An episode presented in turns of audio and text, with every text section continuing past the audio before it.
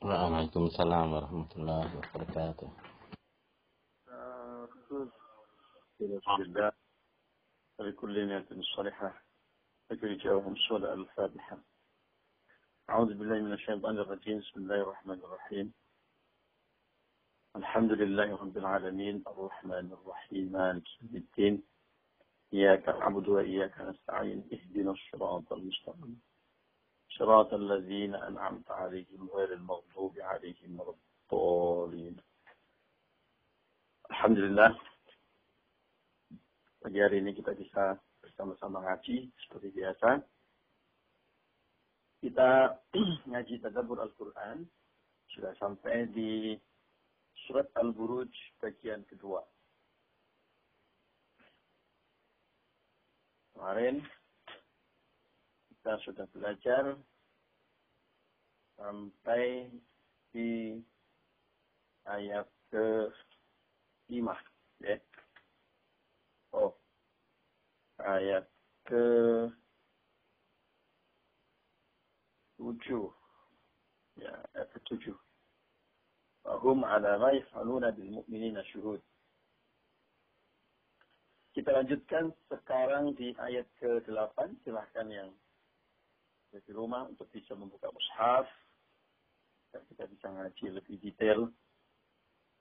أعوذ بالله من الشيطان الرجيم بسم الله الرحمن الرحيم وما نقموا منهم إلا أن يؤمنوا بالله العزيز الحميد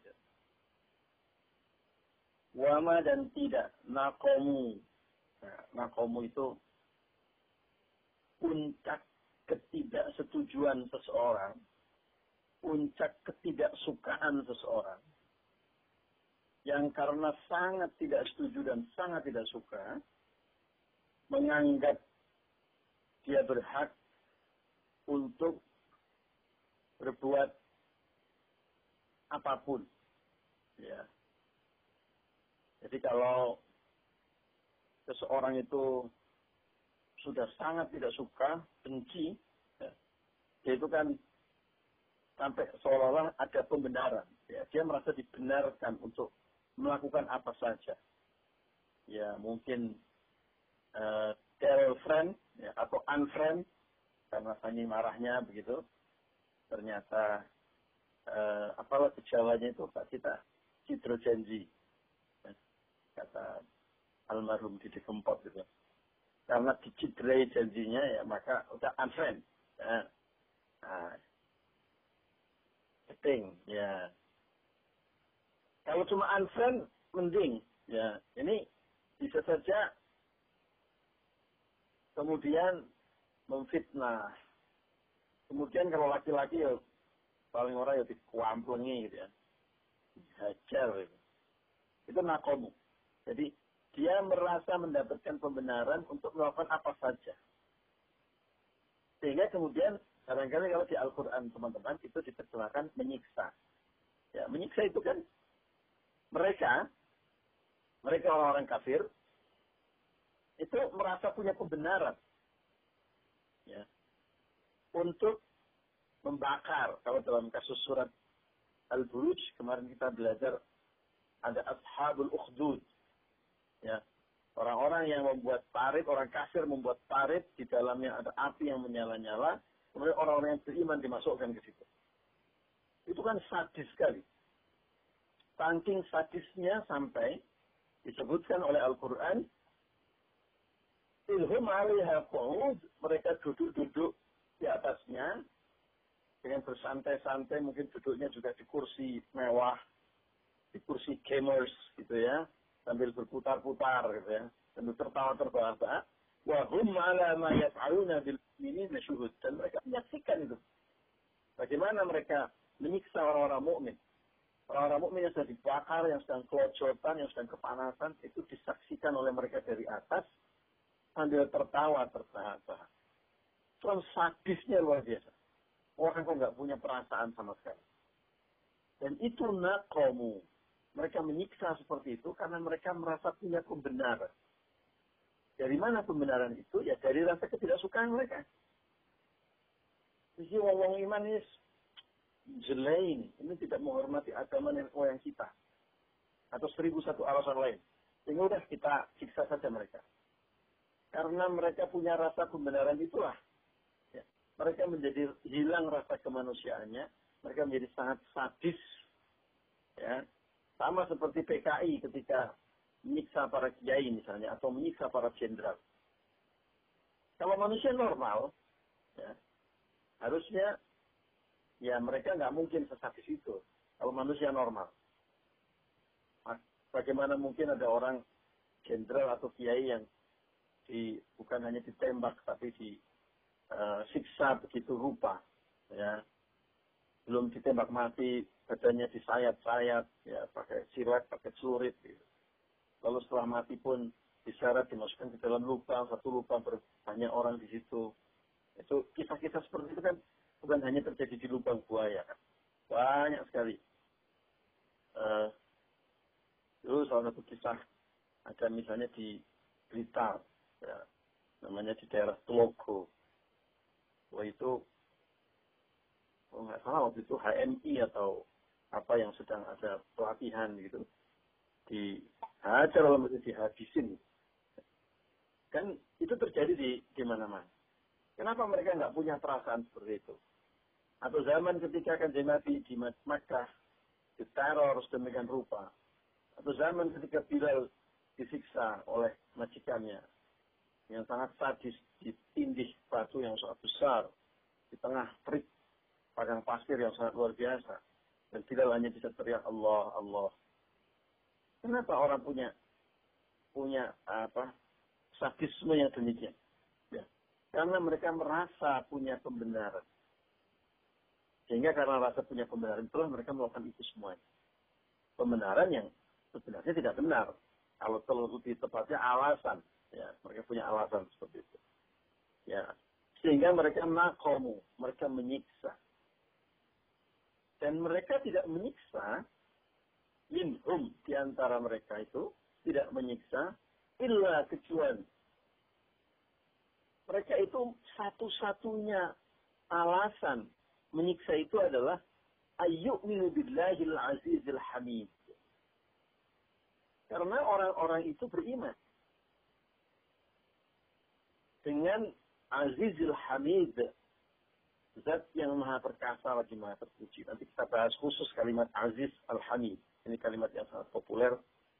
Ini nanti kita bersama-sama kaji lebih dalam. Ya. Sekarang kita dapat uh, apa? Kita menggarisbawahi pesan inti dari ayat ini dulu. Bahwa di dalam ayat ini disebutkan satu-satunya alasan mereka menyiksa orang-orang yang beriman sampai begitu sadis, sampai begitu mengerikan ya siksaannya itu. Ya seperti tadi dalam kasus Ashabul Ukhdud. Orang-orang yang beriman dimasukkan ke dalam parit. Paritnya ada api menyala-nyala. Mereka kepanasan, mereka teriak, mereka kelojotan. Tapi yang menyiksa di atas parit itu tertawa terbahak ya, menyaksikan itu dan tertawa terbahak Nah, satu-satunya rasa sadisme itu muncul itu karena mereka orang-orang yang disiksa adalah orang-orang yang beriman. Ya, ayyuk minubillah. Mereka itu orang yang beriman. Bukan karena mereka kriminal. Bukan karena mereka membuat raja sakit hati, menghina, gitar fitnah. Bukan. Bukan karena mereka itu misalnya melanggar aturan negara. Bukan. Satu-satunya reason, satu-satunya alasan itu karena mereka beriman kepada Allah. Nah, ini harus kita garis bawahi. Ini message dari ayat ini. Yang pertama adalah bahwa orang-orang kafir itu, itu kalau benci sama orang yang beriman itu luar biasa bencinya. Sampai-sampai kehilangan akal sehat dan kemanusiaan. Dan sekali lagi alasannya karena beriman. Kalau dia tidak, kalau orang-orang yang di itu tidak beriman, itu mereka tidak akan benci seperti itu. Ingat kisahnya Abu Lahab. Ketika kanjeng Nabi lahir, Abu Lahab itu kan masih saudara kanjeng Nabi. Itu bahagianya luar biasa. Sampai saking bahagianya, beliau itu mungkin kalau zaman anak sekarang itu terlonjak-lonjak gembira, riang gembira begitu. Dan secara spontan itu membebaskan budaknya. Suwaibah, apa namanya ya. Dibebaskan budaknya itu. Itulah mengapa dalam hadis yang diriwayatkan oleh Imam Bukhari dan Muslim, hadis menjelaskan bahwa Allah meringankan siksa Abu Lahab setiap hari Senin. Kenapa? Karena Abu Lahab gembira menyambut kehadiran kanjeng Nabi. Kelahiran kanjeng Nabi. Nah, luar biasa ya. Gembira menyambut kanjeng Nabi saja, siksanya diringankan. Dan hadis ini menjadi dalil, sementara ulama yang berpendapat bahwa, karena kita bahas beberapa hari yang lalu, bagaimana nasib orang yang tidak beriman kalau dia berbuat baik. Ya. Nah, sebagian ulama berpendapat e, mereka meskipun tidak beriman, kalau di dunia itu berbuat baik, nanti siksanya paling tidak akan dikurangi, ya, diringankan. Sebagaimana uh, Abu Lahab yang berbahagia menyambut kehadiran kanjeng Nabi, ya, meskipun kita tahu belakangan Abu Lahab itu menjadi musuh nomor satu kanjeng Nabi, tetapi siksanya setiap hari Senin diringankan karena gembira menyambut kehadiran kanjeng Nabi. Ya, sampai saking gembiranya dia bebaskan budak. Ya, saking gembiranya. Nah, kenapa Abu Lahab kemudian 180 derajat putar haluan? Dari orang yang sangat berbahagia menyambut kehadiran kanjeng Nabi, kelahiran kanjeng Nabi, menjadi orang yang sangat memusuhi kanjeng Nabi. Satu-satunya alasan adalah, ya kanjeng Nabi beriman. Apalagi kemudian membawa risalah, agama, nubuah, menyampaikan kenabiannya beliau. Ya, risalah diutus bahwa Aku diutus oleh Allah untuk menyampaikan agama ini, berdakwah Islam. Kalau kanjeng Nabi tidak membawa ajaran agama ini, kalau kanjeng Nabi tidak beriman, Abu Lahab dan konco-konconya itu tidak akan memusuhi kanjeng Nabi seperti demikian kencangnya, demikian sadisnya. Apalagi kanjeng Nabi itu orang yang eh, lahir dari keturunan yang terhormat, ya dari Bani Hashim yang sangat dihormati, ya cucunya ya uh, Abdul Muthalib itu kan kakeknya sudah menjadi pemuka masyarakat Mekah. Ya. Kemudian dia dikenal jujur sampai diberi gelar Al-Amin. Ya. Akhlakul karimah sangat luar biasa. Tetapi begitu mengumandangkan dan memproklamasikan risalah, mengajak kepada ajaran agama Islam. Wah, itu baru dimusuhin luar biasa. Ya, itu semua teman-teman yang dirahmati Allah memberikan isyarat kepada kita. Wahai Anda yang beriman kepada Allah, wahai Anda yang mengikuti ajaran Allah, wahai Anda yang termasuk ahlul haq atau orang-orang yang mengikuti kebenaran, ya, atau berusaha untuk mengikuti kebenaran, Anda harus bersiap-siap.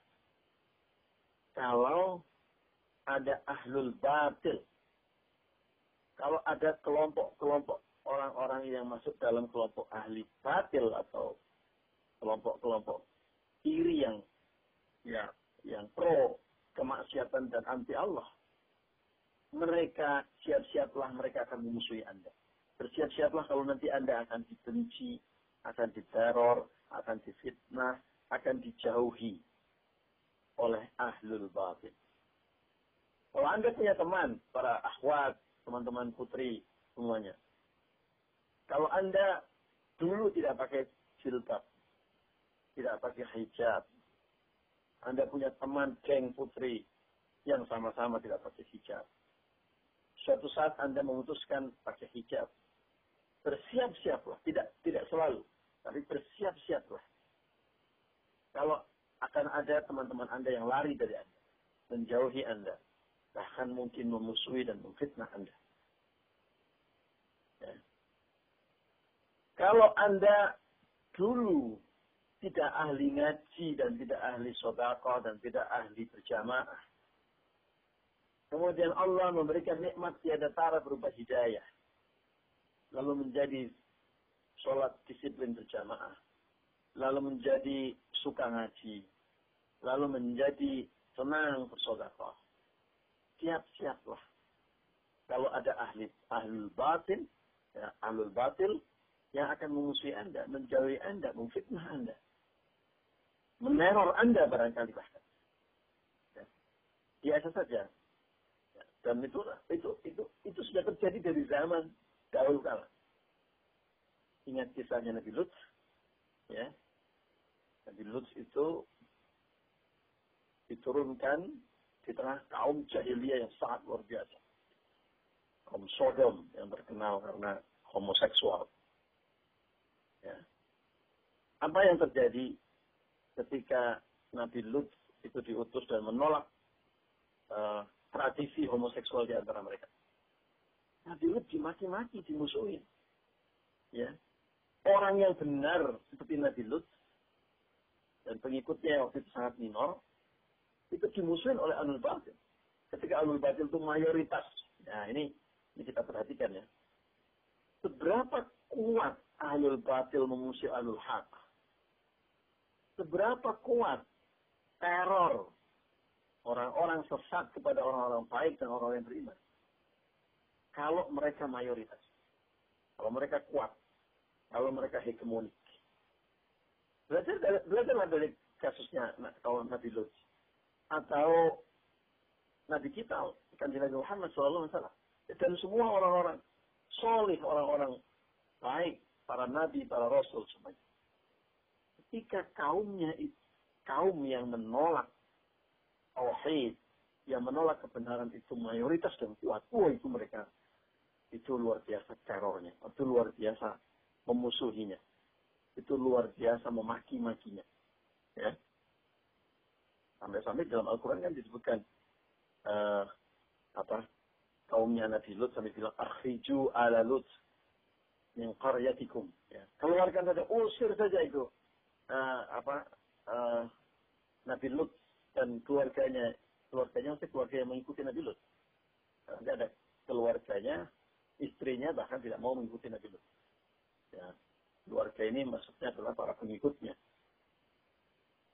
Dan alasannya itu itu perhatikan. Ayat ini relevan sampai hari ini. Mereka mengatakan innahum unasu yatatahharu. Itu Nabi Lut sama pengikut-pengikutnya itu kan cuma sok suci saja. Ya. Alasan orang-orang kafir memusuhi orang-orang Islam, orang-orang yang beriman. Alasan orang ahli maksiat ngeledek, memaki-maki, membuli orang-orang yang beriman. Ayo minum khamar. Alkohol buat hangat badan. Ayo kita maksiat rame-rame. Enggak lah.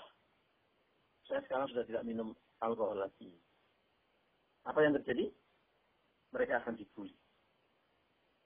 Mereka akan dimaki-maki, mereka akan dilegak. Ah, so suci kamu. Nah, itu sering sekali kita dengar kan? Sok suci kamu Allah dulu aja kamu yang ngajak saya minum. Kamu yang ngajak saya dulu ke karaoke. Kamu yang ngajak dulu saya ini berbuat ini semuanya. Dan statementnya itu sama dari zaman Nabi Lut sampai hari ini. Kamu ya tetap Harun kamu ini cuma sok suci saja. Ya coba perhatikan diksinya ya itu sampai hari ini masih relevan. Orang-orang ahlul haq ya kalau dimusuhi oleh ahlul batin itu selalu alasannya kamu cuma sok suci saja ya. Dan sekali lagi ketika mereka mayoritas ketika mereka kuat ya itu luar biasa. Tapi nanti kalau orang Islamnya orang mukminnya itu semakin kuat mereka tetap membenci hati mereka tidak ikhlas tidak ribut tetapi mereka semakin turun terornya ya mereka manusia biasa juga yang merasa kalau temannya nggak banyak itu langsung ambruk mental. Beda sama orang yang beriman. Orang yang beriman itu mau sedikit mau banyak tetap saja tatak. Tetap saja berani, tetap saja tangguh. Kalau mereka nggak, cemen. Ya, kalau temannya banyak, oh luar biasa terornya. Ya, kalau mereka nggak punya teman, ya sudahlah. Assalamualaikum Pak Haji, Assalamualaikum Pak Kiai. Ya, kayaknya baik, sopan. Tapi di dalam hatinya tetap tidak ribut. Maka dari itu pelajaran pentingnya adalah ya kita orang Islam harus kuat. Harus bersatu. Jangan ribut sendiri. Kalau ribut sendiri dimanfaatkan oleh mereka. Orang yang beriman, ya, jangan ucur biamba-biamba. Ya. Harus bersatu. Harus berserikat. Ya. Kalau enggak, alul batil akan akan mengadu domba. Alul batil akan mengacak-acak. Ya. Lihat itu ketika kan Nabi masih di Mekah, ketika temannya masih sedikit. Oh, terornya kan sangat luar biasa. Tapi begitu kanjeng Nabi puluhan tahun kurang lebih berjalan waktu kanjeng Nabi dakwah di kota Madinah, balik lagi ke Mekah, membawa pasukan lebih dari sepuluh ribu pasukan tangguh. Datang ke kota Mekah dengan panji-panji kemenangan. Lelah hati mereka. Ya, ambil mental mereka. Sampai seorang Abu Sofyan, orang yang sangat gagah berani, orang yang selama ini mencaci maki kanjeng Nabi, orang yang selama ini meneror, memusuhi, mengadakan peperangan, ya, mau membunuh kanjeng Nabi, leleh mentalnya, lalu datang ke kemah kanjeng Nabi. Pasrah bongkoan. Kalau mereka nggak kuat, mereka kalau mereka merasa tidak mayoritas, tidak banyak, orang Islam kuat, kalau mereka leleh. Jadi sekali lagi, memang orang yang berjamaah masjid itu perlu banyak. Ya. Orang yang ngaji itu juga perlu banyak. Sekali-kali show of force, nggak apa-apa. kalau sudah tidak pandemi, ya kalau sudah tidak pandemi. Biar ya, isyhadu bi anna muslim. Ya. Hei, pastikanlah, kami ini orang yang beriman. Kalau nggak begitu nanti diteror. Ya, kalau nggak begitu diinjak-injak kita. Nah, ini jelas ayatnya. Wa ma'ana dan mereka menginjak-injak kita semata-mata karena ayyuk billah kita beriman. Tapi kita yang mayoritas tidak boleh berbuat semena-mena. Lihatlah contoh kancing Nabi.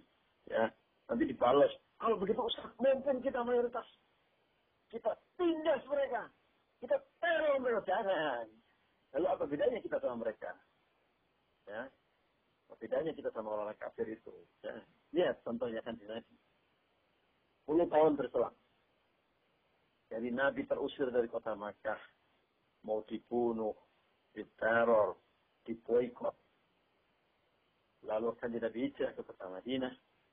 Sepuluh tahun kemudian terjadi Fathu Makkah. Kan Nabi bersama pasukan datang ke kota Makkah. Karena mereka mengingkari janji perjanjian yang sudah ditandatangani oleh kaum apa mereka dengan orang-orang yang di Madinah. Ya, karena mereka mengingkari perjanjian itu kan Nabi membawa pasukan ke kota Makkah. Ketika mereka menyerah, ketika mereka tunduk, ketika Abu Sofyan pun kemudian akhirnya bersyahadat, apakah kanjeng Nabi kemudian berbuat semena-mena? Tidak. Saya dendam. Kamu dulu ya, waktu kamu mayoritas, kamu menginjak-injak saya. Sekarang waktunya. Sepuluh tahun saya memendam amarah ini, dendam ini. It's the time. Oh, inilah waktu saya untuk mengembalikan masa-masa kamu dan saya. Saya tinggal sekalian tidak. Bahkan kanjeng Nabi merangkul Abu Sofyan. Bahkan kanjeng Nabi menyampaikan pesan yang masyhur. Masuklah kepada siapa yang masuk ke Baitullah, pada siapa yang masuk ke rumahnya Abu Sofyan, maka dia selamat. Masya Allah. Ya sedemikian rupa kan Nabi me, apa ya, respect dan menghormati Abu Sufyan. Padahal Abu Sufyan itu musuh nomor satu. Dan baru saja sahadat tadi malam. Ya. Oh, zaman sekarang kan curiga. Allah dia itu sahadat kan cuma cari aman saja. Ya, hati-hati saja masukin dalam kerangkeng. Malah, malah tahu dia nanti kita masuk ke Mekah, dia akan balik nyerang kita. Tidak. Kanjeng Nabi mengumumkan pada siapa yang masuk ke Baitullah, pada siapa yang masuk ke rumah Abu Sufyan aman dia. Diangkat sedemikian rupa derajatnya Abu Sufyan oleh kanjeng Nabi. Padahal kanjeng Nabi kalau mau berbuat apa saja bisa. Dan nyaris tanpa darah yang terjadi. Kecuali segelintir orang kafir Mekah yang tetap melawan. Ya, dan dan Ikrimah yang kemudian melarikan diri dari kota Makkah pada saat dia masih kafir saat itu. Setelah kemudian hari kemudian Ikrimah juga mendapatkan hidayah dan kemudian bersyahadat dan menjadi pahlawan Islam nomor satu. Ya. Nah, ini semua menandakan kepada kita bahwa yang pertama, orang-orang kafir itu memusuhi orang Islam itu, orang yang beriman itu, karena semata-mata keimanan kita. Yang kedua, mereka bisa meneror, mereka bisa menyiksa, mereka bisa membuli, ya. selagi mereka kuat. Kalau mereka lemah, kalau kita kuat, mereka tidak akan berani. Ya, meskipun di dalam hati masih tidak terlibat, ya, tidak ikhlas melihat kejayaan umat Islam. Ya. Maka penting buat kita sekali lagi untuk memperkuat garisan kita. Ya, memperkuat garisan kita. Dan kalau kita sudah kuat, kalau kita sudah mayoritas, kita tidak boleh sewenang-wenang, kita tidak boleh semena-mena. Lihat kanjeng Nabi di kota Makkah, lihat kanjeng Nabi di kota Madinah, bagaimana kanjeng Nabi di kota Madinah hidup berdampingan orang-orang ahlul kitab, termasuk Yahudi dan Nasrani.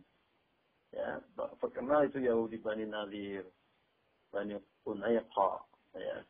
Mereka bisa hidup berdampingan bersama kanjeng Nabi. Selama mereka tidak berkhianat. Kanjeng Nabi tidak semena-mena. Oh, semua Bani Nabi Islam, cek KTP-nya. Kalau bukan Islam, siksa, bunuh. Tidak. Luar biasa. Ya, kalau kita sudah mayoritas, maka tugas kita adalah merangkul, menghormati, memuliakan mereka selagi mereka tidak hardi, tidak menyerang umat Islam. Kita lindungi mereka, kita hidup berdampingan bersama mereka, kita hormati mereka. Ya, ya sekali lagi selagi mereka tidak agresif menyerang umat Islam. Nah, di bagian akhir dari ayat ini, ini baru satu ayat. Sudah jam 6 seperempat. Di bagian akhir dari ayat ini disebutkan, ayuk billah, beriman kepada Allah, lalu sifatnya Allah adalah Al-Aziz. Lalu di Al-Quran teman-teman barangkali terjemahnya adalah yang maha perkasa. Sering kita menerjemahkan, umumnya memang kita terjemahkan Al-Aziz itu maha perkasa. Memang benar. Ya, tetapi saya ingin mengajak teman-teman sekalian untuk membedah lebih detail. Ternyata Al-Aziz itu bukan hanya maha perkasa artinya. Tetapi kalau dibedah lebih lanjut maknanya itu bisa sangat kuat yang mengalahkan yang lain. Jadi ultimate superpower gitu ya, yang paling tiga ya. Dan juga al-aziz itu berarti yang asing atau yang unik atau yang tidak ada duanya. Makanya Mas Aziz teman kita yang di Surabaya itu tidak ada duanya, unik paling ganteng, paling sorry. Ya. Ya, unik. Maka barang-barang yang unik, barang-barang yang langka, itu bisa, bisa disebut aziz. Contohnya apa?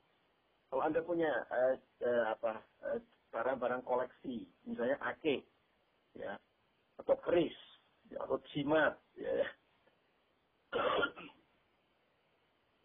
itu bisa disebut aziz. Ya, jadi kalau ada yang punya akik yang unik tidak ada duanya, hanya satu-satunya. Satu-satunya di mana Pak? Di residen. Khususnya di blok C. Nggak ada yang punya. Ya, di blok C nggak ada yang pakai akik ya. Satu-satunya akik nggak ada duanya itu disebut aziz. Nah maka, ini biar biar kita ketika membaca aziz itu jangan hanya membayangkan cuma perkasa gitu, kuat gitu. Tapi juga membayangkan bahwa Al-Aziz Allah itu adalah maha superpower. Mengalahkan segalanya. Tidak ada yang bisa menyamai Allah. Karena Allah itu pokoknya satu-satunya. Unik. Tidak ada duanya. Nah gitu. Jadi kalau kita ngaji seperti ini jadi lebih luas wawasan kita. Kalau membaca Al-Aziz, perkasa gitu.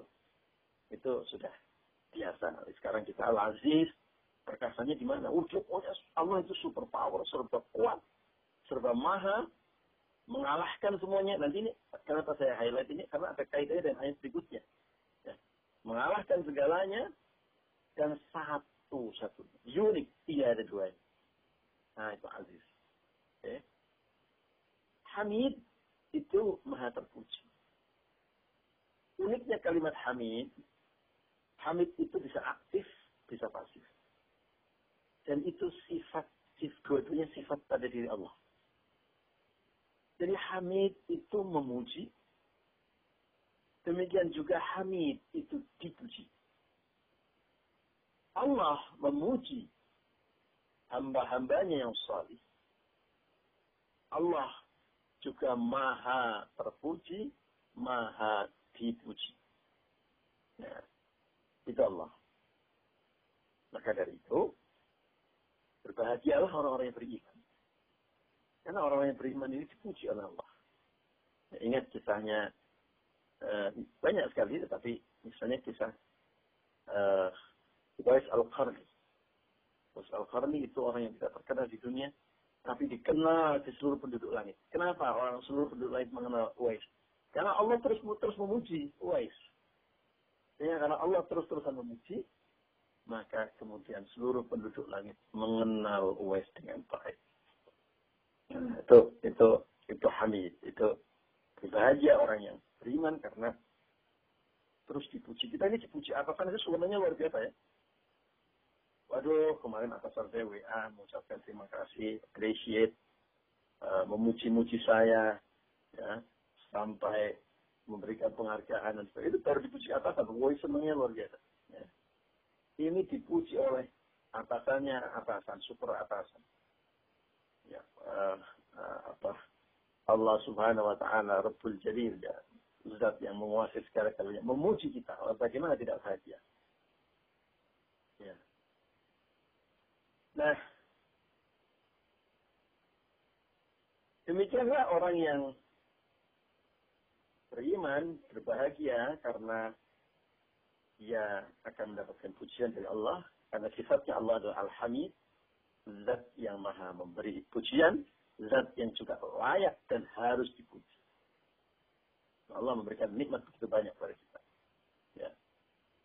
Uh, 622 mau dilanjutkan atau sudah cukup? Mungkin cukup ya.